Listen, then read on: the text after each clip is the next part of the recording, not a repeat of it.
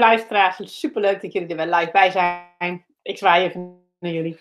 En luister je dit later. Een soort leuk om te realiseren. Ergens in de toekomst, dus een moment ergens in de toekomst waar ik geen idee van heb, zit iemand nu naar mij te luisteren. En er zal best wel heel veel zijn ergens in de toekomst. Dus het is uh, helemaal leuk. Superleuk dat jullie, uh, dat jullie er zijn bij de nieuwe aflevering van de Zaak van Energie. En we gaan het vandaag hebben over de energie van overfocus. Dat is een woord dat ik um, bedacht terwijl ik deze presentatie aan het maken was. Toen dacht ik van ja, eigenlijk is dat. Ik was een beetje aan het zoeken van hoe kan ik dit nou het beste vertellen, uitleggen. En toen dacht ik van ja, die, dat is, eigenlijk is dat een, mooi woord voor overfocus. Dat laat precies zien waar het om gaat. Eerst had ik het over focus, loslaten. Maar um, dat was eigenlijk niet wat ik wilde vertellen. Dus wat is overfocus en hoe zit dat in elkaar? Daar gaan we het vandaag over hebben. Nou, doe je live mee. Stel gerust al je vragen live in de chat. Vind ik leuk, vind ik gezellig. Wordt de uitzending vaak een stuk beter van. Dus stel je vragen gerust. Um, ingediende vragen hebben we deze week niet. Dus daar gaan we lekker vlot overheen. En wil je, luister je nu naar de opname en wil je in de toekomst uh, live gaan meedoen of je vragen indienen? Dan is het handig om je even aan te melden via www.zaakvanenergie.nl. Via die site krijg je elke week vanzelf een reminder met een linkje naar het live webinar. En krijg je alle informatie over hoe je je vragen kunt indienen. Wil je meer weten? Kijk op www.zachtwerken.nl voor meer informatie over zacht werken op een ontspannen manier heel veel bereiken in je werk. En dan ga je veel naar www.faction.nl als je ZZP'er bent en hulp wilt bij de groei van je bedrijf en op een relaxte manier een bedrijf wil neerzetten met hele mooie resultaten. Goed, genoeg over de achtergrond. We gaan lekker beginnen met de content van vandaag. Um, alle professionals die willen wat moois bereiken met hun werk. Ik ben inmiddels jarenlang business coach en daarvoor heb ik jarenlang gewerkt in een corporate omgeving en vijf jaar op een universiteit. En wat je gewoon merkt is dat er heel weinig mensen zijn die zeggen van nou mijn werk doet er niet toe of maakt me allemaal niet uit. Iedereen vindt zijn eigen werk wel belangrijk en iedereen wil ook wel wat moois neerzetten in zijn eigen werk. En dat wil jij natuurlijk ook. En jij wil ook mooie dingen neerzetten vanuit overvloed, vanuit energie, voldaan gevoel, energiek, lekker aan de slag. Maar dat lukt niet altijd. Dat, niet zo heel, dat is niet zo heel erg vanzelfsprekend. Er zijn heel veel professionals die verdrinken in hun werk, die amper het hoofd boven water kunnen houden, erg druk zijn. En um, daar hebben we verschillende tools voor. Het interessante is, hoe ga je daar nou mee om? Als je zo verdrinkt in je werk, als je het gevoel hebt van, hé, hey, ik kan mijn, uh, mijn hoofd niet meer boven water houden. En een van de tools die we daarvoor hebben, een van de dingen die we daarvoor gebruiken, dat is doelen stellen. Dus um, je niet op alles richten, je stelt doelen en dan ga je als het ware mikken op het midden van de schijf en met je pijltje. Dan zeg je van, nou, als ik dat raak, dan schiet ik raak, dan ben ik blij en tevreden. En dat doelen stellen, dat, uh, dat focussen, dat heeft ook heel veel nut en zin. Een van de manieren, een van de tools die je daarbij bijvoorbeeld inzet, is pla plannen maken, plannen. Dan doe ik dit, kost me ongeveer zoveel tijd, dat kost me ongeveer zoveel tijd. en dan krijg ik, um, krijg ik rust, krijg ik overzicht, weet ik hoe ik het moet doen. En dan ga ik mijn werk doen. En een van de effecten van dat doelen stellen en dat plannen is dat je gaat focussen.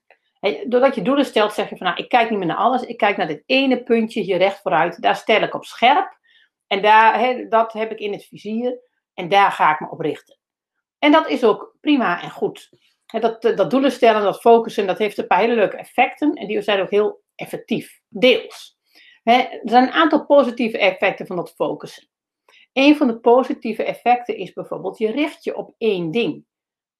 Dat klinkt heel banaal, maar daardoor ga je dus niet meer allerlei andere dingen doen. Heel simpel gezegd, doordat ik vanochtend om 10 uur deze live-uitzending maak, ga ik nu om 10 uur dit doen. En ga ik niet nog even een wasje draaien, of uh, met de hond beneden spelen, of andere dingen doen. Ik richt me op één ding. En doordat ik me op dat webinar richt, maandagochtend 10 uur, gebeurt het ook. Ik ben best wel iemand van dingen uitstellen. Ah, kan morgen ook wel, uh, komt nog wel. Maar dat webinar geven, dat kan ik niet uitstellen, want jullie zitten daarop te wachten. En dus dat, ik moet me op dat ene ding richten. Dat is een heel positief effect. En ik breng dan ook, je brengt dan ook al je aandacht en energie naar dat ene onderwerp. Dus je aandacht en energie zijn minder verspreid, versnipperd. Het gaat niet een beetje, een beetje van dit en een beetje van dat. Nee. Je richt al die aandacht en energie op één plek, op één ding. En in dat ene ding ga je stappen zetten en vooruitgang boeken. En alleen al doordat je dat doet, die aandacht en energie op één onderwerp richten, gaat er natuurlijk ook heel veel gebeuren. En komt er heel veel op gang. En maak je dus heel veel sneller vooruitgang. En dat is een heel simpel effect van doelen stellen en focussen. Zo werkt dat nou eenmaal. Maar, wat ik heel vaak merk in mijn leven, is als ik ga doelen stellen en focussen, heeft dat ook heel veel, een aantal specifieke negatieve effecten, die misschien wel helemaal niet zo handig en leuk en fijn zijn. Een van de negatieve effecten is dat al mijn aandacht en energie naar dat ene onderwerp stroomt. Dat is een, een, positieve kant, maar het is ook een negatieve kant. Want wat er buiten mijn focus is, doet er minder toe. En dus dat, dat webinar nu geven om tien uur, dat doet er toe, die nieuwe uitzending maken. Andere dingen doen er minder toe. En als ik dan uh, te veel focus heb, dan word ik te taakgericht. En dan word ik bijvoorbeeld minder mensgericht. En dan heb ik minder connectie met anderen, minder connectie met dierbaren, waardoor ik me ook meer isoleer en alles alleen ga doen. En uh, net doe alsof ik alles in het leven zou moeten oplossen. En dit is typisch iets wat mij heel vaak overkomt als ik te veel focus. En dan word ik te veel taakgericht. Te weinig mensgericht, minder connectie met anderen. En uh, daardoor isoleer ik me. Dan denk ik ook van ja, ik moet, dit moet af, dat moet af, ik moet het doen. Ik moet het allemaal alleen doen. En dan zie je ook dat dingen uh, misgaan. En zoals bijvoorbeeld uh, twee weken geleden toen ik een, uh, hè, per ongeluk de opname niet goed had gestart en iedereen in de wachtruimte bleef wachten, was ik heel taakgericht bezig, heel gefocust op het webinar geven, op mijn tekst vertellen. Maar ik was helemaal niet bezig met de connectie met de luisteraars. Waardoor ik ehm, ja, wel zag dat er geen reacties in de chat kwamen, maar helemaal niet realiseerde van hier gaat iets mis. En dat is een heel mooi voorbeeld van dat je dan te taakgericht bent, minder mensgericht. Waardoor je dus een hele uitzending opneemt zonder publiek. En daar pas achteraf achterkomt. Nou, dat is natuurlijk een grappig en hilarisch voorbeeldje, is niet zo belangrijk. Maar in je werkdag kan het ook gebeuren. Hè. Werk je in een, in een team, op, op een, in een grotere organisatie, met mensen, dan is het doel van je werk is niet het werk. Het doel zijn de mensen waarvoor je wat betekent. Hè, ook als je alleen werkt als ZZP'er. ben je fotograaf, ben je ontwerper, dan gaat het niet om je ontwerp of die foto. Het gaat om degene die wat met dat ontwerp doet. Het gaat om degene die die foto wil gebruiken. Is die tevreden? En soms is het dan in jouw ogen als professional technisch gezien een minder optimaal product. Maar als die ander er helemaal tevreden mee is en blij mee is, dan is dat goed. Ik heb dat bijvoorbeeld in mijn business coaching wel eens. Dan, eh, dan zie ik iemand en dan heb ik een nieuwe cliënt. En dan denk ik, oh, die zou die en die en die stappen kunnen zetten in drie maanden. Ja, dat moet wel lukken. Maar dat is dan mijn ambitie voor die cliënt, die ik op die cliënt projecteer. En soms is dat heel goed, want dan kan ik de cliënt verder brengen dan ze zelf gedacht hadden. Maar soms wil ik ook gewoon dingen die helemaal niet zo bij die persoon passen. Of die die persoon zelf misschien wel helemaal niet zo hoeft. En als ik dan te veel focus, te taakgericht word, dan ga ik te veel pushen op de stappen die een cliënt zou moeten zetten, in mijn ogen. Terwijl als uh, mijn focus op de goede manier blijft, dan geef ik mijn cliënten hè, volop aandacht en energie. Maar dan ben ik ook open voor de andere mogelijkheden die zich aandienen. Bijvoorbeeld dat een cliënt misschien bepaalde stappen wel helemaal niet wil, maar veel liever net een iets andere kant op wil, die voor die cliënt um, veel meer resultaten en gevolgen heeft. Nou, een ander negatief effect van focus, in mijn geval, en dat zie ik bij heel veel van, uh, cliënten en andere mensen ook, is dat ik geen oog meer heb voor lichamelijke signalen, voor kleine pijntjes. Ik luister niet meer naar mijn gevoel en het wordt op een gegeven moment doorgaan op wilskracht. um, stel bijvoorbeeld, ik heb een, uh, een cliënt waarvan ik vind dat hij van alles moet bereiken. En dat heb ik nu niet meer veel. Vroeger had ik dat wel meer dat ik heel erg een beeld had van zo moet het gaan. En tegenwoordig zie ik steeds meer dat cliënten zelf, die hebben ook een, waanzinnige wijsheid in uh, wat ze met hun bedrijf willen, wat ze niet willen. En dan wordt het veel meer de mix van uh, mijn vaardigheden, mijn talenten, mijn inzichten, gecombineerd met de wensen en doelen van de cliënt zelf. En dat gaat als het ware de blender in. En daar komt iets uit wat heel veel leuker is dan zij alleen hadden kunnen bedenken, maar ook dan wat ik alleen had kunnen bedenken. En dat maakt dan op de coaching ontzettend leuk. Maar op het moment dat ik dat kwijtraak, die mix, en dan word ik dus te taakgericht. Nee, we moeten vandaag deze coachingscalls hebben over bloggen. Nee, we moeten het hebben over goede zakelijke artikelen schrijven. Of we moeten het hebben over het lanceren van het programma. Dan verlies ik de connectie. En dan uh, luister ik ook niet naar lichamelijke signalen. En dan krijg ik bijvoorbeeld tegenzin in zo'n call. En dan ga ik me ergeren. En dat zijn, eigenlijk zijn dat signaaltjes dat ik te veel wil, dat ik te veel push, dat ik de connectie kwijt ben. En een heel ander voorbeeld bijvoorbeeld in de sport. Um, vroeger toen ik um, uh, lange stukken hard liep, dan deed ik een halve marathon. En dan wilde ik die halve marathon in een hele mooie tijd neerzetten. Maar dan ging hem, voelde ik na de training ook wel eens wat stijfheid en vermoeidheid en een zere knie. En op een gegeven moment had ik dus een, uh, na, na, na voetbaltraining een enorm pijnlijke knie. Kwam ik bijna geen trap meer af. En toen merkte ik pas, hé, hey, dat is wat met mijn knie. Ik had dus helemaal geen oog voor kleine lichamelijke signalen, voor kleine pijntjes. Ik luisterde daar helemaal niet naar. Ik ging door op wilskracht, hè, tanden op elkaar, flink zijn, kom op, doorzetten. En totaal die uh, lichaamsconnectie daardoor kwijtraken. Mijn hoofd was helemaal niet meer geconnect met mijn lichaam. Waardoor ik grote fouten en problemen ging maken. in plaats van dat ik dan een halve marathon liep in recordtijd, liep ik hem helemaal niet, want ik had mijn knie overbelast. En voor mij is dat ook typisch een effect van overfocus. Um, en die lichamelijke signalen kwijtraken. Ja, en als je dan die subtiele lichamelijke signalen kwijtraakt, dan heb je dus ook heel veel minder afstemming met je intuïtie. En dat hele stuk van intuïtie, wijsheid, gevoel, die connectie met grote ik, waar we het in eerdere uitzendingen over hebben gehad, die ben je dan helemaal kwijt.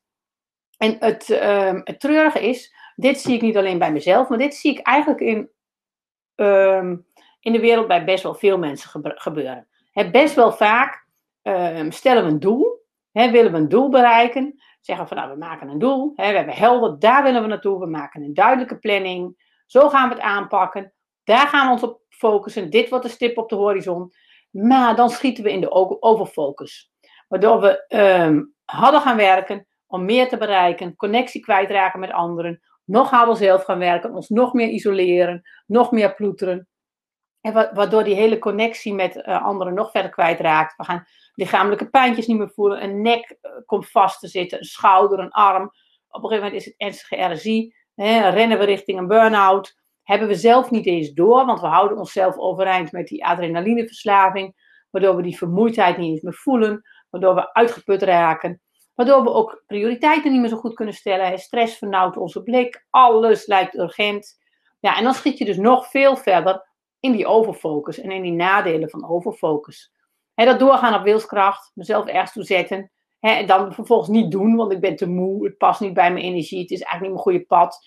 Ik ga mezelf nog meer pushen, waardoor ik nog meer wilskracht nodig heb, waardoor ik nog meer ga uitstellen, waardoor ik nog meer moet pushen. Dat is een vreselijke cyclus. He, mezelf uitputten, moe zijn, niet dat willen toegeven, he, doorstormen. Ja, maar het moet af. Ik kan nu niet rusten. He, ik kan niet even minder doen. Het moet, moet, moet. Um, oneindige takenlijst krijg ik dan ook als ik in die overfocus zit. Dan moet ik dit lanceren, dan moet dit gebeuren. Um, ik verlies het overzicht, alles lijkt belangrijk. Ik ga nog veel harder ploeteren. Ja, en dan is het werk ook gewoon helemaal niet meer leuk. En dan blijf ik dus ook veel te lang hangen in de kleine dingen die er niet meer toe doen. Door die overfocus. He, door die stip op de horizon, door dat een heilig moeten te maken. En wat typerend is voor die overfocus, is dat je de balans verliest tussen actie en ontspanning. En uh, dat is een hele wezenlijke. Want het geeft dus helemaal niet dat je af en toe eens even lekker focust en sprint en uh, bezig bent. Als je daarna maar lekker kunt ontspannen en relaxen en kunt bijtanken en mijmeren en overzicht hebt en prioriteiten stelt en ziet van waar ging het ook alweer om. En wat ik merk is dat ik, uh, ik ben daar misschien ook wel gewoon gevoelig voor. Ik ben voor een heleboel verslavende dingen gevoelig. Voor cafeïne, suiker, uh, granen. Verkeerde granen zijn voor mij gauw verslavend en uh, voelen niet goed. Maar ik merk dus ook dat ik heel erg gevoelig kan zijn voor die adrenalineverslaving. En die overfocus zorgt voor dat ik absolute balans verlies tussen actie en ontspanning. En dat ik daarmee dus ook mijn werk heel veel minder goed doe en heel veel minder effectief word. En dat voel je dan. Dan ga je nog harder ploeteren. En dan ga je ook zoeken naar externe erkenning. En dan heb je niet meer de voldaanheid die je zelf hebt. Van nou, ik heb een dag lekker gewerkt, het was een fijne dag, uh, het ging goed. Nee, dan wil je externe herkenning. Dan ga je op zoek naar een aantal luisteraars, een aantal volgers. Hè, een bedrag wat je wil verdienen met je bedrijf. Want dan doe je het toe, want dan is het goed. En, en dan, uh, ja, dat zijn allemaal, bij mij zijn het helemaal uh, negatieve effecten van die overfocus. Dan beland ik heel erg in dat uh, ploeteren, zoeken naar externe erkenning. Je gaat je dan ook vergelijken met anderen hè, op social media. Hoeveel reacties hebben die onder hun berichten? Hoeveel likes hebben die? In plaats van dat je kijkt van, god wat leuk, tante Jannie heeft gereageerd. Of, oh wat grappig, mijn moeder heeft dat berichtje gezien. Of, hé, hey, die cliënt van drie jaar geleden heeft gereageerd. Hoe zou het daarmee zijn? Dan zit je in de leuke focus. en die, die overfocus, die, die schaarste, die zorgt er voor, dat harde ploeteren, dat zoeken naar externe erkenningen, externe dingen willen, waardering van iemand anders, uh, aantal likes, geldbedrag. En het interessante is ook dat die externe erkenning, daarbij krijg je een soort hollebolle gijsgedrag. Dat is nooit genoeg. Je wil altijd meer. Je blijft altijd hongerig. Je blijft altijd uh, zoeken, zoeken, zoeken vanuit een gevoel van schaarste, er is niet genoeg. En wat je dan vaak ook krijgt, is dat dingen zinloos gaan voelen. Wat doe ik het voor? Eh, het, het, voelt niet meer leuk, je voelt het plezier niet meer, je voelt niet meer de warmte, de connectie, de lol die je samen met anderen kunt hebben. En wat er dan uiteindelijk gaat gebeuren, en dat is ook wel heel schadelijk, is dat het echt een uitputting van je energie is en ook een erosie van je brein. Je, je, brein wordt echt uh, schraler, vlakker, uh, je, je, je, gaat ook minder voelen en ervaren. En uh, daaronder zit een, een soort van grote leegte. En die leegte wil je opvullen met drukte, met actie, met meer, meer, meer. Hè, met niet genoeg. Ja, en dat is gewoon niet leuk. Nou, dat was tot de, de, overfocus. Je hebt het al door. Overfocus is gewoon niet leuk. Maar hoe kan het dan wel anders? En hoe kan het wel leuk? Kan dat? Kan het anders? En soms in onze drukke dagelijkse werkzaamheden zijn we dit helemaal kwijt. En dan denken we dat het ook niet anders meer kan. Dat overfocus, ploeteren, zweten, zwoegen, taakgericht zijn, menselijk contact verliezen, dat dat de norm is. En wat je dan vaak ziet, eh, zowel bij organisaties als bij inpitters, is dat dat ook de organisatiestructuur aan het worden is. En de processen en protocollen. En die gaan over meten, over meer, over groeien, maar niet over groeien vanuit lol en plezier. Hè, maar over groeien vanuit uh, schaarste, angst. Uh, ze rennen ons voorbij, het is niet goed genoeg. En daar hoeft helemaal niet zo te blijven. Want het kan gewoon echt heel anders. Maar hoe kan het dan anders? Doordat je op een zachtwerke manier aan de slag gaat met die, uh, die dingen die je graag wil bereiken. En zacht werken is dan heel nadrukkelijk niet uh, luieren, niksen, uh, hè, vakantie vieren. Ja, dat kan het soms ook zijn. Maar waar het heel belangrijk waar het dan om gaat, een alternatief voor focus, is dat je niet um, kijkt naar die stip op de horizon, maar dat je kijkt naar de horizon. En dat je overzicht hebt over dat totaal. En dat je overzicht hebt over dat wat er allemaal moet gebeuren, of wat je wil gebeuren, wat je wil bereiken. En dat doe je dan niet door je af te schermen, dus niet door te zeggen van nou ik moet maandagochtend om 10 uur webinar geven en niets anders doet ertoe. Maar doordat je even breed kijkt en zegt, hé hey, wat leuk, mijn zoontje is al terug van school van zijn toets. Dat is snel, hoe zou het met hem gegaan zijn? Hé, hey, even bij mijn man langs wandelen die ik vanochtend nog niet heb gezien. Hoe is het met hem? En uh, tegelijkertijd zie je de krant liggen en denk je, nee, ga ik nou niet aan beginnen, want ik wil naar mijn webinar. En uh, dat wasje draaien, oh, dat doe ik straks wel eventjes. Dat hoeft nu niet per se. He, dus je kijkt vanuit overzicht naar alles wat er voor je ligt. En dan maak je keuzes van, dat wordt mijn pad, die, die kant ga ik op. En dat laat ik even naast me liggen, daar kan ik wel naar kijken. En dus dat, dat um, is een heel andere manier van werken en van ermee bezig zijn. Robert die, uh, reageert in de chat, die zegt mij, uh, Ikigai van vandaag, mijn dagmotto was overzicht in drukke werkzaamheden. Telepathie met jou. Nou, mooi inderdaad, mooi motto, grappig dat dat bij jou ook langskwam. En dus inderdaad, bij drukke werkzaamheden kun je gaan focussen. Maar focussen, um, dat werkt wel goed. Maar ik vind dat je focus eigenlijk op een korte, korte periode moet doen. Dus je kunt best zeggen, ik ga even een uurtje focussen op. En dat werkt bij mij heel goed. Maar daarna wil je weer veel meer overzicht hebben. En hoe werkt dat nou? dat overzicht, dat alternatief voor focussen, hoe ga je daar nou goed mee aan de slag? Daar wil ik je nu wat meer over uitleggen. Omdat het een subtiel andere manier van werken is, waarmee je veel relaxter bezig blijft, ook veel minder relevante dingen doet, maar wel heel veel bereikt. En uh, dat is heel leuk om te zien, dat je dus ook bepaalde tools die je gebruikt bij focus, gebruik je ook bij overzicht. Maar die tools gebruik je niet om te focussen, maar om overzicht te hebben. En dus niet om je toe te spitsen op één detail, maar om de brede blik te houden en vanuit die brede blik goed te kiezen. Maar een van de tools die je daarbij inzet is plannen maken. En een ander tool die je daarbij inzet is een doel stellen. Maar bij uh, overzicht is een doel niet een stip op de horizon waar je op focust, maar een doel is een richting waarin je gaat wandelen. En dat doel is dus nadrukkelijk is niet het doel, zoals we al een paar keer gezegd hebben in deze uitzendingen. En dat doel is een eerste stap op je pad. En dus ja, je stelt wel een doel daar achter de horizon, maar je zegt van nou, en om daar naar die richting op te gaan, begin ik hier te wandelen. Dan ga ik niet die kant op of hè, die kant op. Nee, ik ga gewoon dit pad min of meer volgen. Dit worden mijn eerste stappen. En dat is mijn doel. Maar het doel is niet een heilig moeten dat ik daar naartoe moet. Hè, uh, naar rechtsboven. Het kan ook wel zijn dat ik naar linksonder ga uiteindelijk. Maar het doel is dus nadrukkelijk als een eerste stap. Dat is niet een doel waarin je vastpint. En het doel is gewoon om een richting te bepalen. En kom je onderweg andere dingen tegen, dan, kan, dat verandert je doel misschien wel. En dan kun je misschien wel een veel slimmere keus maken, omdat je ook al een stukje op weg bent. Een andere tool die belangrijk is bij overzicht is plannen maken. Dat je bijvoorbeeld kijkt van nou, hoe lang denk ik dat die taken ongeveer duren. En dan denk ik bijvoorbeeld dat dit webinar ongeveer een uurtje duurt. Maar het is niet een heilig moeten. Ik hoef dat niet precies binnen 59 minuten af te ronden. Wordt het een kwartiertje korter of een kwartiertje langer, dan is het ook helemaal goed. Maar ik weet wel dat ik tussen 10 en nou 11, half 12 niet al te veel andere dingen kan doen. En dan kan ik daarna de, de, opname van dit webinar maken, de tekst uittypen, het op YouTube zetten, het publiceren als podcast, het publiceren als blog, er een nieuwsbrief over rondsturen. He, daar, kan ik dan ongeveer een plan van maken. Dan weet ik, nou, kan ik ongeveer begin van de middag mee klaar zijn. Nou, dan moet ik even rust, doe ik even pauze, even wat anders doen dan met mijn hoofd. Misschien maar even met de hond naar het strand.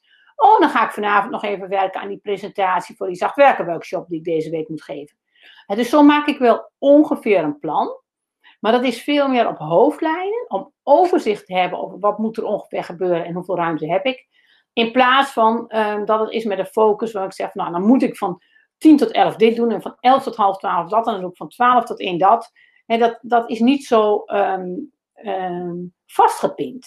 Dus je maakt die planning wel ongeveer op hoofdlijnen, maar die planning betekent niet dat het een planning is waar je aan moet houden. Die planning dient ervoor om je een overzicht te geven over je pad, nou, ik denk dat ik ongeveer zo lang daarover doe en ongeveer zo lang daarover. Zodat je ook weet dat stel dat dat eerste stukje heel veel langer duurt. Dan weet ik van nou, dan die, die presentatie over zacht werken, die lukt dan vandaag niet. Of ja, dat met de hond naar het strand, dat moet ik dan misschien niet doen. Misschien moet ik gewoon met de hond een rondje door de buurt. En waardoor je dus ook flexibel je planning weer kunt aanpassen en daarmee kunt schuiven. Dus je maakt wel een planning en je kijkt wel naar hoe lang iets ongeveer gaat duren. Maar dat wordt niet een heilig moeten waar je aan vasthoudt. Het is veel meer om je overzicht te geven, om je richting te geven. En daarna ga je gewoon slim aan de slag. En um, wat je dus ook merkt met dat overzicht, is dat je ook veel meer de balans hebt tussen actie en ontspanning. En dat die twee met elkaar in evenwicht zijn. En dat betekent soms ook als je een korte tijd um, heel intensief gesprint hebt, dat je dan misschien wel een lange tijd ontspanning daar tegenover moet zetten. En dat doen, die topsporters doen dat ook. Mensen die uh, sprinttrainingen doen, hè, die, die trainen niet de hele dag op sprints. Die hebben ook hele grote tijden met ontspanning daartussendoor. Juist omdat je met een sprint heel veel van je energie leegtrekt. En dus uh, dat is ook belangrijk in je werk. Om dus te beseffen van nou, als ik heel intensieve focus heb gehad, is het ook belangrijk om daarna misschien wel een tijdje wat werk te doen, wat wat minder focus van me vraagt. Bijvoorbeeld um, in een vergadering hoef je misschien minder te focussen. Dan kun je wat meer luisteren uh, emoties van anderen lezen, uh, kijken hoe belangen liggen, hoe iets valt. En dat, dat is een heel andere modus dan heel geconcentreerd aan een verslag schrijven wat nu af moet omdat je me dadelijk moet presenteren. En doordat je die balans dan goed houdt tussen inspanning en ontspanning, hou je ook veel meer zicht op dat oorspronkelijke doel wat je had. Hou je veel meer dat overzicht. En dat stuk ontspannen is er dus ook niet voor om te niksen, maar dat is er voor om op te laden, om fysiek te herstellen, maar ook om weer terug te gaan naar je overzicht. En om vanuit je overzicht te kijken, van wat wilde ik ook alweer, waar wilde ik naartoe. Dus dat stuk ontspannen is niet niks doen. Dat stuk ontspannen, dat bevat ook een heel stuk strategizing. En strategie zetten. Prioriteiten stellen. Waar wil ik naartoe? Welke slimme keuzes moet ik maken? Waar gaat dit pad doodlopen? Waar gaat dit helemaal niet lukken? Hoe kan ik het dan anders doen? En dat zit in deze kant. Dus dat zit niet in de actiemodus, maar dat zit in de ontspannende modus waarin je teruggaat naar dat totaaloverzicht. En uh, belangrijk daarbij, hè, als je dan uh, zo op pad gaat vanuit overzicht, is wel dat je snel in actie komt. En dus je gaat niet heel lang blijven uh, pijnzen en piekeren en in je hoofd zitten. En je komt snel in actie. Je zet razendsnel een eerste stapje en dan stop je ook weer. dus je zet heel snel één of twee stapjes. En dan komt het op gang. En op die manier geef je steeds een draadje aan het vliegwiel. Um, zonder dat je heel erg gaat sleuren. Het is een beetje zoals uh, kinderen met een tol of een hoepeltje vroeger bezig waren. Die geven zo'n ding een tikje. En dan draait het een poosje. En dan geef je het weer een tikje. En weer een tikje. Maar dat is wat anders dan dat je een tol met je hand heel hard uh, rond laat draaien. En steeds met je hand uh, die, vaat erin wil brengen. Het, leuke van een tol en een hoepeltje is die vaat kun je er niet inbrengen uh, door er continu bovenop te zitten. Het gaat harder spinnen als jij op het goede moment een tikje geeft. En dat is ook met dat werken vanuit overzicht. Je ziet dus waar nu even een tikje nodig is. En uh, je hebt dus ook relatief veel tijd nodig om achterover te leunen, om te kijken welke tikjes je moet geven. En waar het systeem lekker draait en waar niet. En daar is dus ook die achteroverleunmodus voor nodig. Dus dat is niet um, ogen dicht slapen, maar het is juist vanuit ontspanning nadenken over je werk, overzicht hebben, prioriteiten stellen en waar is nu even dat ene tikje nodig. En wat ook heel belangrijk daarbij is, is dus goed zorgen voor je eigen energie. En um, hoe staat het met mijn energie? Hey, die nek die doet een beetje pijn. Gewoon die arm voelt een beetje verkrampt. Oh, ik moet even die yoga-oefening ochtends wat vaker doen. Of ik moet even weer een afspraak maken met de osteopaat. Of ik moet eventjes... En dat hoort ook bij dat achteroverleunen. Dus totaal in beeld houden. Kijken waar is nu een tikje nodig. Waar is nu aandacht nodig. En daardoor blijft dat geheel uh, lekker draaien. En dus ook continu terugschakelen. He, doe ik nog de goede dingen? Dat is heel belangrijk bij dat uh, vanuit zacht werken grote prestaties neerzetten. En natuurlijk heb je dan ook korte sprintjes. En tussen de sprintjes schakel je steeds terug. Nou, nog een, uh, een paar leuke voorbeelden erbij van hoe doe je dit dan? Hoe doe je dat dan, dat terugschakelen en doe ik nog de goede dingen? En heel belangrijk is steeds weer even terugkoppelen met je intentie. Wat was ook alweer mijn doel? Waarom deed ik dit ook alweer? En ook waar wil ik uiteindelijk naartoe? En misschien wil je wel daar rechts voor die stip op de horizon, die mooie berg bereiken, maar waarom wilde je dat? Nou, omdat ik een prachtig overzicht over de omgeving wil hebben. Oké, maar waar je nu staat, weet je nog niet waar je dat mooie overzicht over de omgeving hebt. Misschien moet je hier wel die kant op en heb je daar rechtsaf een veel mooier overzicht over de omgeving. En dan als je recht vooruit dat die bergtop op. En dus um, vaak ontdek je ook als je op pad gaat, dan leer je over je pad. En dan leer je hoe het werkt en hoe dingen zitten. Dan ontdek je soms ook dat de dingen anders werken dan je vooraf gedacht had. En um, dat je dus ook andere afslagen kunt kiezen. En dat lukt je alleen maar als je steeds terugschakelt naar wat was mijn intentie ook alweer? Waarom deed ik het ook alweer? Waar wil ik uiteindelijk naartoe? In mijn bedrijf is bijvoorbeeld een heel belangrijke intentie is leren, ontwikkelen. Dat wat ik, ik hou heel veel van de wereld ontdekken. Maar ik hou er ook heel veel van, van dat wat ik geleerd heb over de wereld, hoe de wereld werkt, om dat te delen met anderen. Dat vind ik eindeloos leuk.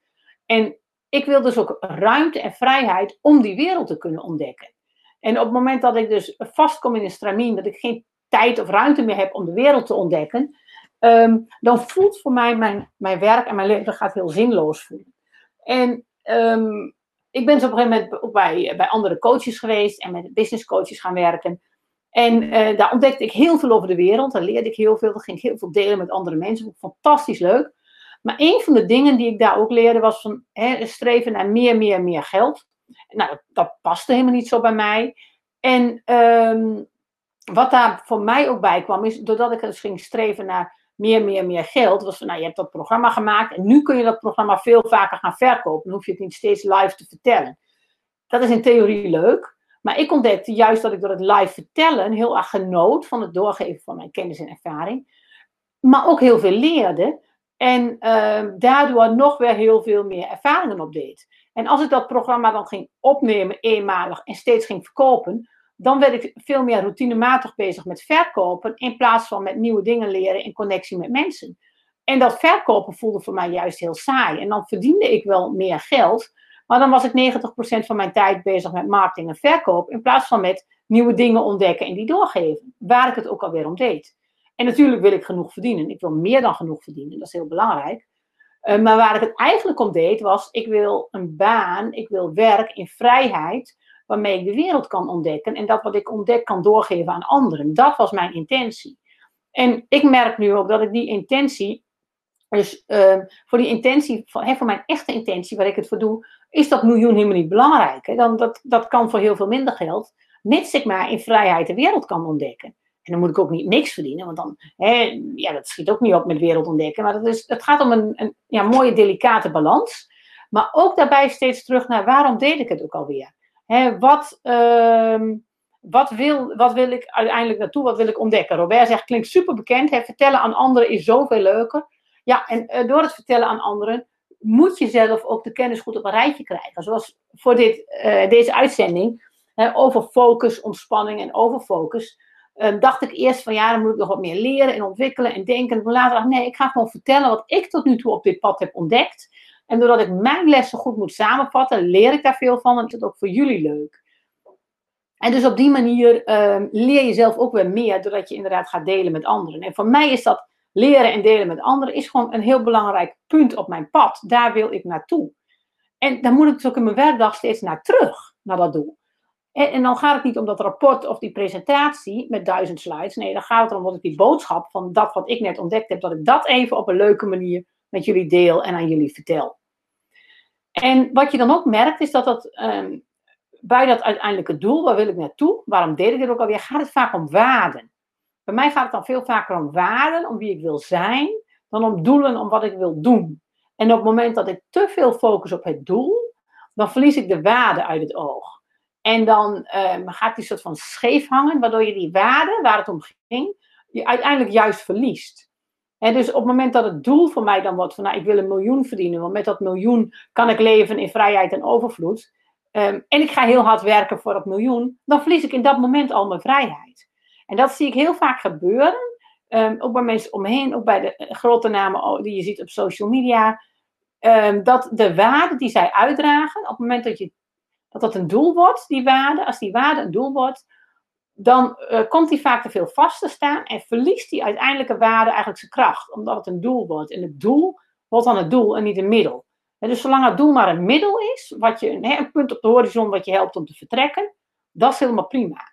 Maar op het moment dat dat doel te vast komt te staan en je daar met vaak te veel um, lage mannelijke energie naar gaat streven, dan lukt dat niet meer. Terwijl de hoge mannelijke energie van doelen bereiken, dat is juist uh, dat strategizen, het overzicht houden, prioriteiten stellen en goed voor jezelf en de ander zorgen en ook die zachtheid aan de kracht toevoegen. En dan wordt het wel heel krachtig. En dan zijn die, die, die, die, die, die onderliggende waarde is dan heel belangrijk. Die waarde van waarom deed ik het ook alweer. En wat ik daardoor ook merkte, is als ik een, eh, een nieuw project begin, hè, bijvoorbeeld een, eh, deze winter had ik een mooi idee voor een, een mastermind programma wat ik wilde lanceren. En een programma rond mijn boeken, Zaak van Jezelf. En die lanceringen heb ik uiteindelijk allebei opgeschoten rond de coronacrisis.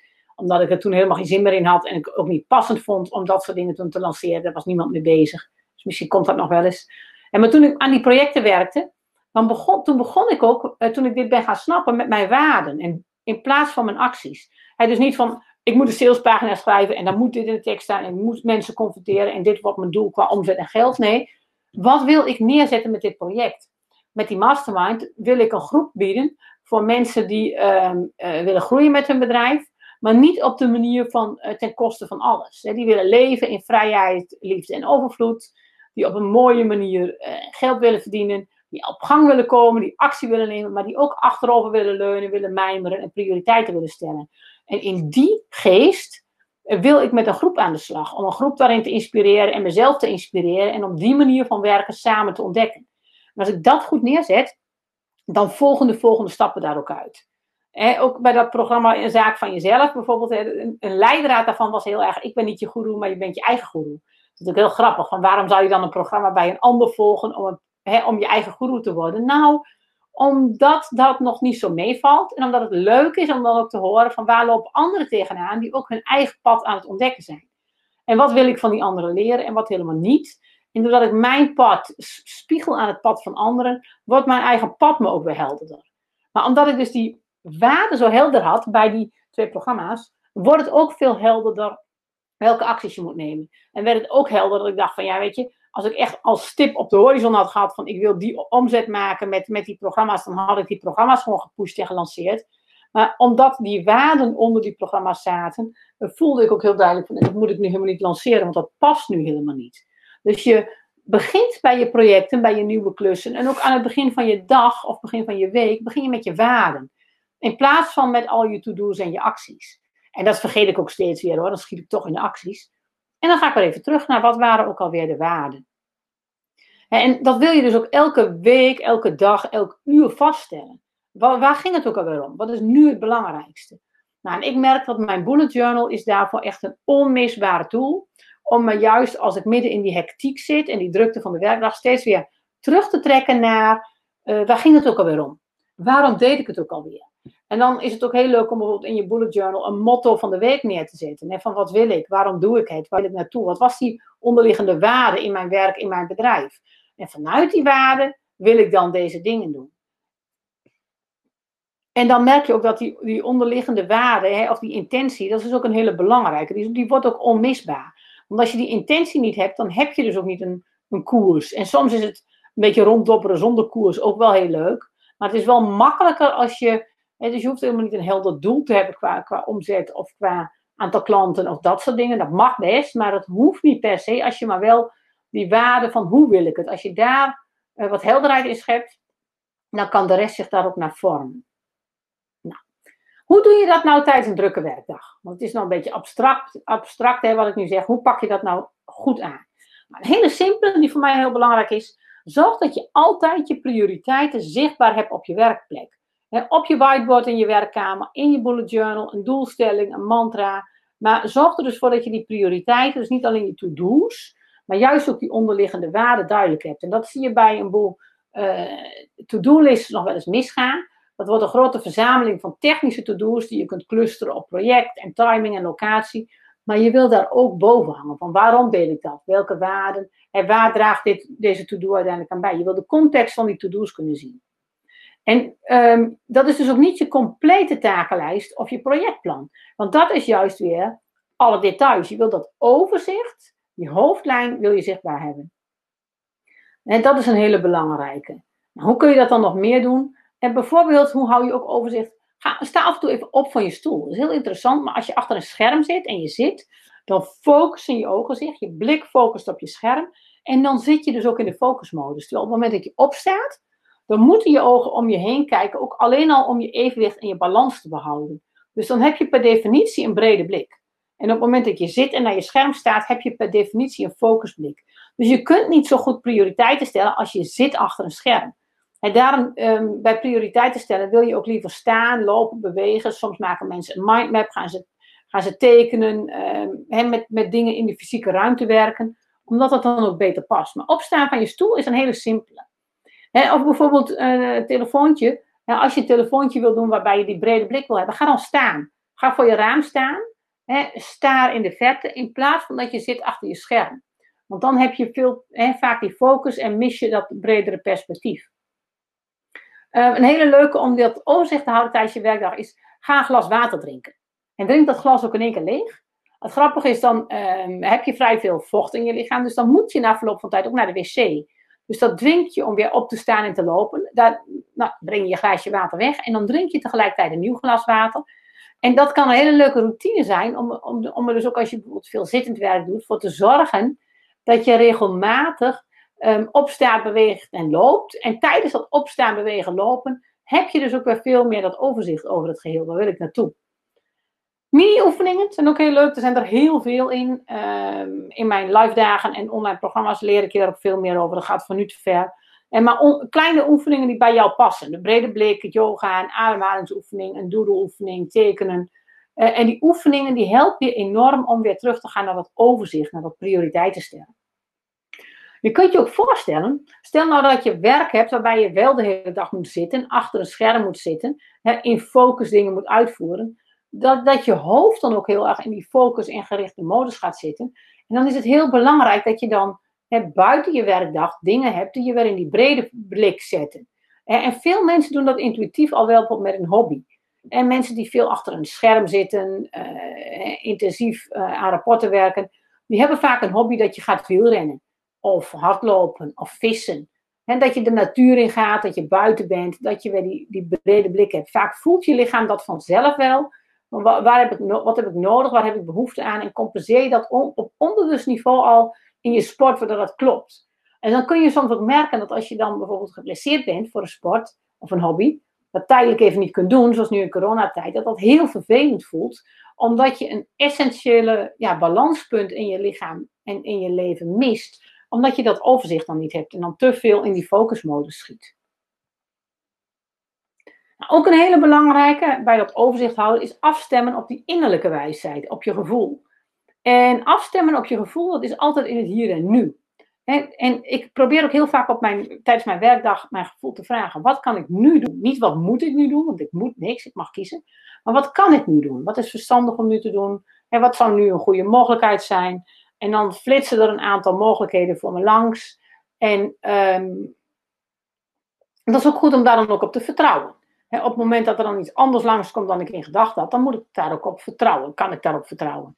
En mijn gevoel zegt dan heel vaak: stop maar even, doe maar even niet, doe maar even wat rustiger aan. Ik heb dus de neiging om door te rennen in die focusmodus. En mijn gevoel probeert me daar heel vaak weer uit te halen. Doe maar even rustig aan. Nou, dan moet ik dus ook stoppen. stoppen als mijn gevoel dat zegt. En dan niet denken, dan nog even dit afmaken. Afgelopen week was ik bij de, de boswachter, bij het kasteel aan het werk. En ik was eh, netten aan het timmeren met latten om konijnen weg te houden, houden uit onze moestuin. En op een gegeven moment had ik drie van de vier latten getimmerd. En mijn gevoel zei, stop maar even, doe maar even niet meer. En ik dacht, nee, ik wil die lat afmaken. Ik wil even doorgaan, bijna klaar, hup. Nee, is mijn gevoel, stop dan maar. Nee, ik ga nou even die lat afmaken. Dus toch die lat afgemaakt. Leggen we die lat op de bakken. En wat blijkt, heb ik die lat verkeerd getimmerd. Eh, net, net scheef op die lat. Super stom. En mijn gevoel voelde dat dus blijkbaar al. Wist dat al. was een stukje in mezelf wat me al waarschuwde van doe dit nou niet. Niet, niet doordouwen. Toch niet luisteren. Toch afmaken. En dan weer heel veel herstel, herstel, herstelwerk hebben. Nou, dat overkomt me heel vaak. Dat ik dan toch nog even door wil. Nog even dit afmaken. Terwijl mijn gevoel dus een fantastisch signaal is. Dus het lastige bij mij is niet dat mijn gevoel dat niet zegt, maar het lastige is daar ook echt naar luisteren. Robert zegt inderdaad, een soort lopende band, hè, met inderdaad al je keuzes. Dat heb ik ook. Ik zie een soort carousel in mijn hoofd vormen, met allerlei keuzes van dingen die ik zou kunnen doen. En dan uh, laat mijn gevoel wel voelen wat de beste activiteit is. En die dan uitvoeren. Dat leidt heel vaak tot een goed resultaat, inderdaad. En uh, soms is het ook dat die carousel dan als het ware blijft tollen. Of dat er niks uh, komt. En wat je dan ook kunt doen, is dat je een leeg plekje maakt op die lopende band. En zegt van, hé, blijkbaar iets anders, laat me maar eens zien.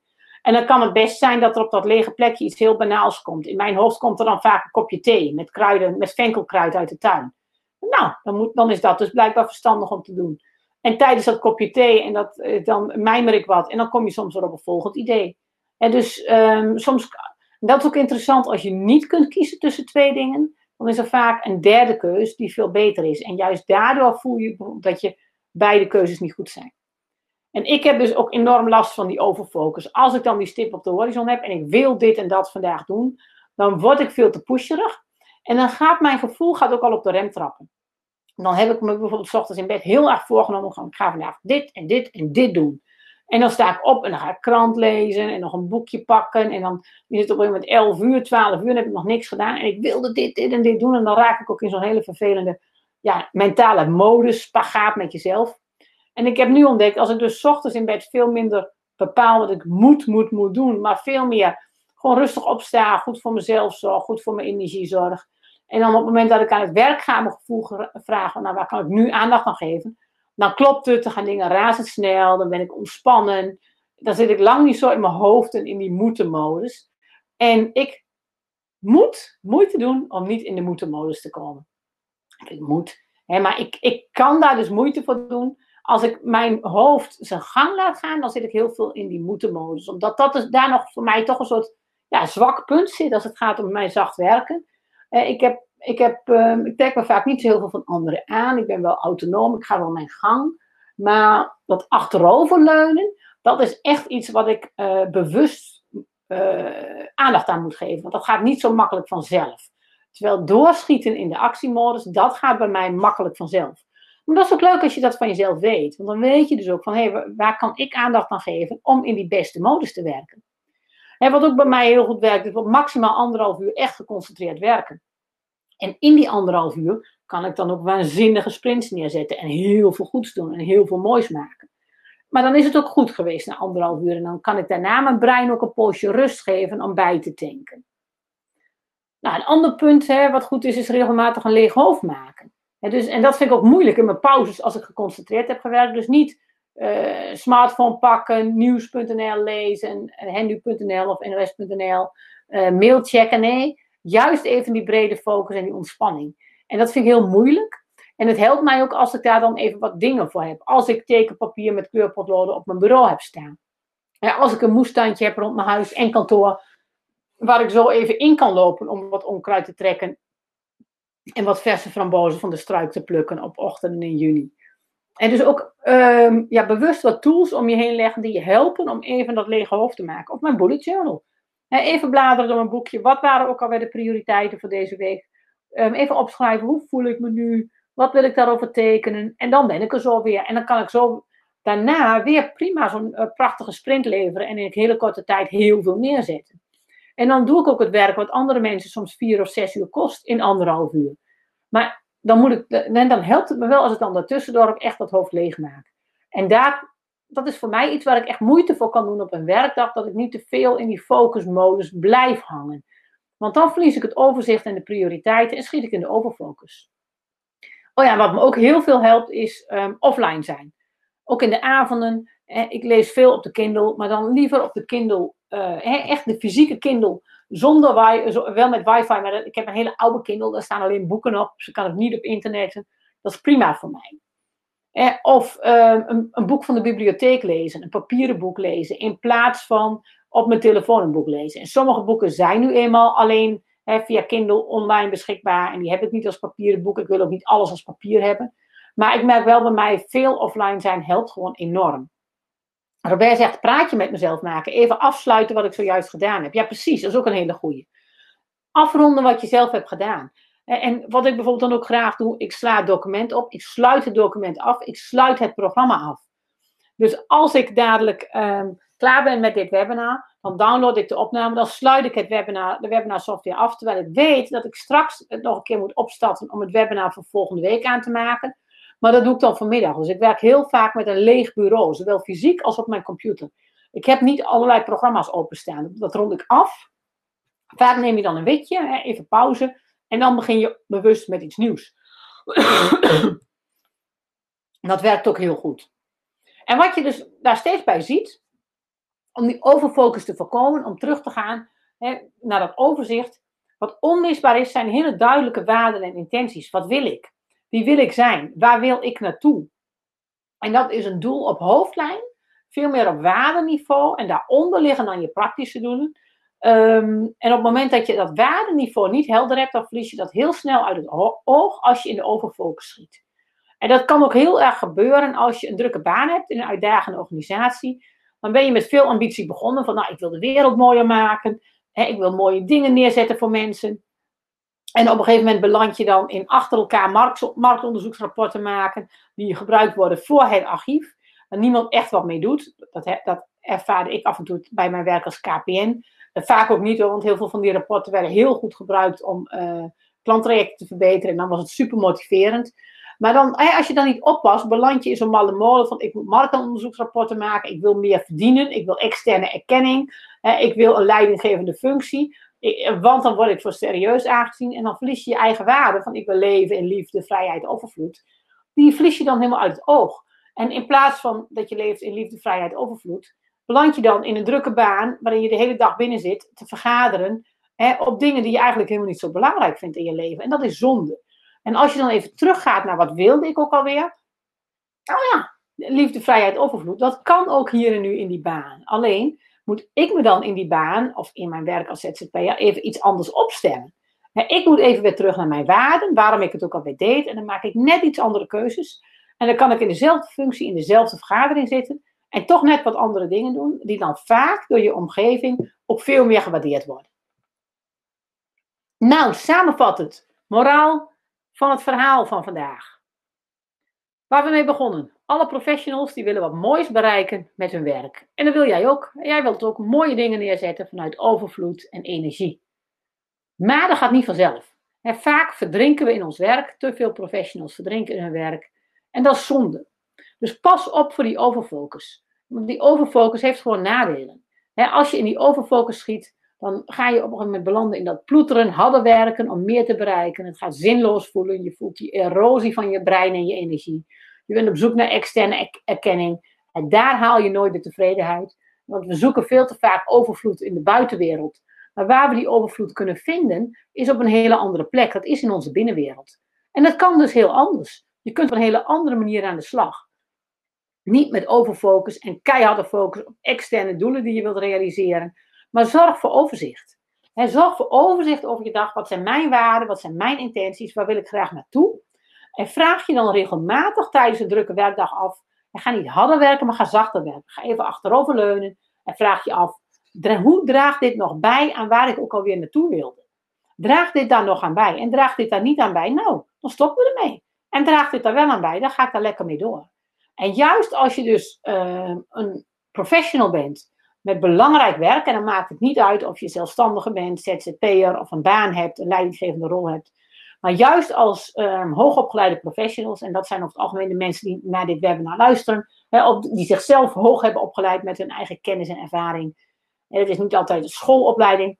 Maar als je als professional wil bijdragen aan deze wereld met je werk en je wil mooie dingen doen, dan vraagt dat uh, overzicht als tool. En overzicht is een heel belangrijk middel om de hele werkdag in te zetten. Waar wil ik naartoe? Wat wil ik bereiken? Wat wil ik ook alweer neerzetten? En zoals je in, dit, uh, in deze uitzending zag, er zijn ongelooflijk veel verschillende tools die je kunt gebruiken voor het overzicht. Die je kunnen helpen om weer terug te gaan naar dat wat wilde ik ook alweer. Maar die zijn ook ontzettend belangrijk om gedurende de werkdag in te zetten. Want hard werken, rennen, dat doen we eigenlijk vanzelf wel. Dat is een soort level 1 werken. dat leer je op een gegeven moment vanzelf. Of level 2. Misschien is level 1 is een beetje voorzichtig wat leren werken. Level 2 is ik ga hard werken. Ik gooi er al mijn energie in. En level 3 wordt ik ga slim werken. Ik ga niet alleen hard sprinten, maar ik ga ook slim achteroverleunen. En vanuit het achteroverleunen stel ik mijn prioriteiten. Wat doet er ook alweer toe? Wat is echt belangrijk? En vanuit die echte prioriteiten maak ik dan de slimme keuzes voor korte, snelle sprints die ertoe doen. En dan blijf je veel minder hangen. Dan blijf je veel minder uh, ploeteren, zweten, zwoegen. En dan kun je dus echt dat, uh, dat zacht werken op die relaxte manier bereiken. En dan kan het ook heel anders. En ik denk dat je werk dan nog veel waardevoller wordt. Veel leuker. Je houdt het veel langer vol. En op het moment dat je in die overzichtsmodus zit, dan voel je ook die connectie met alles. Met alles om je heen. Met de planten, met dieren, met uh, stenen, met rotsen, met licht, met lucht. Met je medemensen, met je collega's in je vergadering. En doordat je die connectie dan voelt, voel je ook, want dit doen we samen. En dan voel je ook veel meer jouw plek in dat geheel. En wat is mijn plek in dat geheel? Hoe draag ik in dat geheel van overvloed bij aan nog veel meer overvloed? En hoe kunnen we samen creatieve overvloed maken? En nog veel meer leuke dingen doen? En dan is je leven en je werk ook niet meer een race tegen de klok en een strijd om de schaarste en een ploeteren zwoegen zweten. En dan voel je die verbinding met het al. Dan voel je jouw plek in dat geheel. En dan voel je ook dat je werk zin heeft en het toe doet. En dat het leuk is. Niet omdat het moet, maar omdat het kan en omdat het mag en omdat jij het wil. Nou, daar ga ik de uitzending van vandaag mee afronden. Ik heb nog één energieke mediatip voor jullie bedacht. Want mediatips gaan natuurlijk heel veel over geschreven media in deze uitzendingen. En nu dacht ik van, we hebben ook een hele andere, ander medium. Dat is namelijk het medium kleurpotloden met tekenpapier. Dus eh, zorg voor een, leuke doos kleurpotloden. Het hoeft helemaal niet duur of ingewikkeld. Ik merk wel dat er wat, hè, koop je een keer een dure doos kleurpotloden, merk je wel dat, het, dat, dat de kleur in die kleurpotloden veel fijner is. Hè, veel feller, veel subtieler. Maar het kan een hele simpele doos kleurpotloden van de HEMA zijn met een simpel vel printerpapier Hè, waar je gewoon drie velletjes uit pakt. Gooi die op je bureau. En ga af en toe eens even lekker zitten tekenen, lekker zitten kleuren. Tussen een drukke vergadering schrijf je je prioriteiten in kleur op je doelen. Wat deed je het ook alweer voor? Plak die op je, slaap, op je, je kamerdeur. En je werkkamerdeur, je slaapkamerdeur. Daar waar je ze regelmatig tegenkomt. En zorg ervoor dat jij dus juist als je veel drukke werkdagen hebt, ook tools om je heen verzamelt die jou helpen om die prioriteiten te stellen om even terug te gaan naar die hoofdlijn. Het kan ook zijn dat je aan het einde van de werkdag even op je whiteboard zet waar je morgen vroeg mee wilt beginnen. Of misschien doe je dat liever s ochtends vroeg. En je zegt, nou, ik kom uh, op mijn werk, ik overzie de hele dag. Ik zet even twee of drie dingen op mijn whiteboard, daar begin ik mijn dag mee. En dan schiet ik in de hectiek. Maar die kleurpotloden, en dat helpt je ook heel goed. Even terug naar het overzicht, even ontspannen, even achteroverleunen. Waar deed ik het ook alweer voor? En juist van daaruit voel je die connectie, voel je je onderdeel van dat geheel. En voel je ook weer jouw leuke plek in dat geheel. En dan voel je ook veel minder die isolatie, dat hadden zwoegen, zweten, ploeteren. En dan kun je weer vanuit overvloed samen met anderen heel veel mooie dingen doen. Samen taartjes bakken. En samen genieten van de mooie wereld er is. En alle prachtige dingen die er om ons heen zijn. Nou, daar wens ik je heel veel plezier bij. Maak er een mooie week van. Zoals altijd, je krijgt vanzelf de link naar de opname. Deel dit gerust met anderen. Uh, volgende week weer, dien dan je vragen in, uiterlijk zondag om 8 uur. En daarbij heb ik nog een belangrijke opmerking. Namelijk, volgende week wordt de laatste aflevering voor de zomerstop. Dus na volgende week uh, komt er een zomerstop. Dan ga ik een tijdje stoppen met de opnames. En dan ga ik allerlei andere prioriteiten in mijn leven doen. Zoals een lekkere tuintour met mijn moeder. Op vakantie met mijn gezin. En allemaal andere mooie dingen. Um, gaan we na de zomer hier nog weer mee door? Dat weet ik nog niet. Ik vond het superleuk. Heeft me heel veel energie en inspiratie gegeven. Maar misschien verzin ik in de zomer ook wel weer een ander pad. Dus ik gun mezelf de vrijheid. Ik ga gewoon kijken wat de zomer me brengt, waar ik zin in heb. En uh, volgende week is dus voorlopig de laatste uitzending van de Zaak van Energie. Uh, de opnames blijven natuurlijk allemaal online staan. Je kunt alles rustig terugluisteren. Ook de opnames uit het verleden. En hoe we verder gaan, dat gaan we wel zien. Vonden jullie het heel leuk? Vind je het heel waardevol? Luister je dit in de zomer? Dan zeg je, ja, nee Ellie, je moet absoluut niet stoppen. Ik wil nog veel meer weten over. Mail me dan. En krijg ik honderden mails van mensen die graag door, die willen dat ik doorga. Nou, dan uh, zal me dat zeker inspireren. En zeggen jullie allemaal, godzijdank, we gaan ermee stoppen. Nou, dan is dat ook een duidelijk signaal. Dat zal wel niet, want als je niks vindt, dan luister je gewoon niet. He, zo simpel is het ook. Nou, leuk dat jullie erbij waren live. Pam zegt nog, dankje Ellen. Ans zegt, dankjewel Ellen, deze was heel waardevol voor mij. Mooi zo. Het thema van volgende week vraagt Robert. Ja Robert, daar ga ik nog eens over mijmeren. Ik weet het nog niet.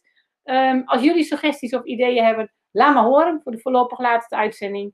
Um, en dan gaan we zien wat er gaat komen. En Vicky zegt, um, dankjewel. Mocht ik het volgende week niet redden, wens ik je vast een prachtige zomer. Dank je Vicky. Jou ook. Cornelie zegt nog dank. Jannie zegt dank. Marieke zegt dank.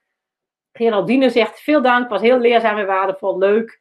Robert zegt, uh, hoe mijmer ik mij mijn zomer door? Ah, dat is een mooie zomer om dit te gaan leren, Robert. Dat gaat je lukken. En Jantine zegt dankje. Nou, helemaal leuk dat jullie er live bij waren. Ik wens je allemaal een hele mooie dag. Maak er wat moois van vanuit overvloed, plezier, liefde, vrijheid. Robert zegt, blij dat ik er weer bij was. Goede keus geweest, mooi zo.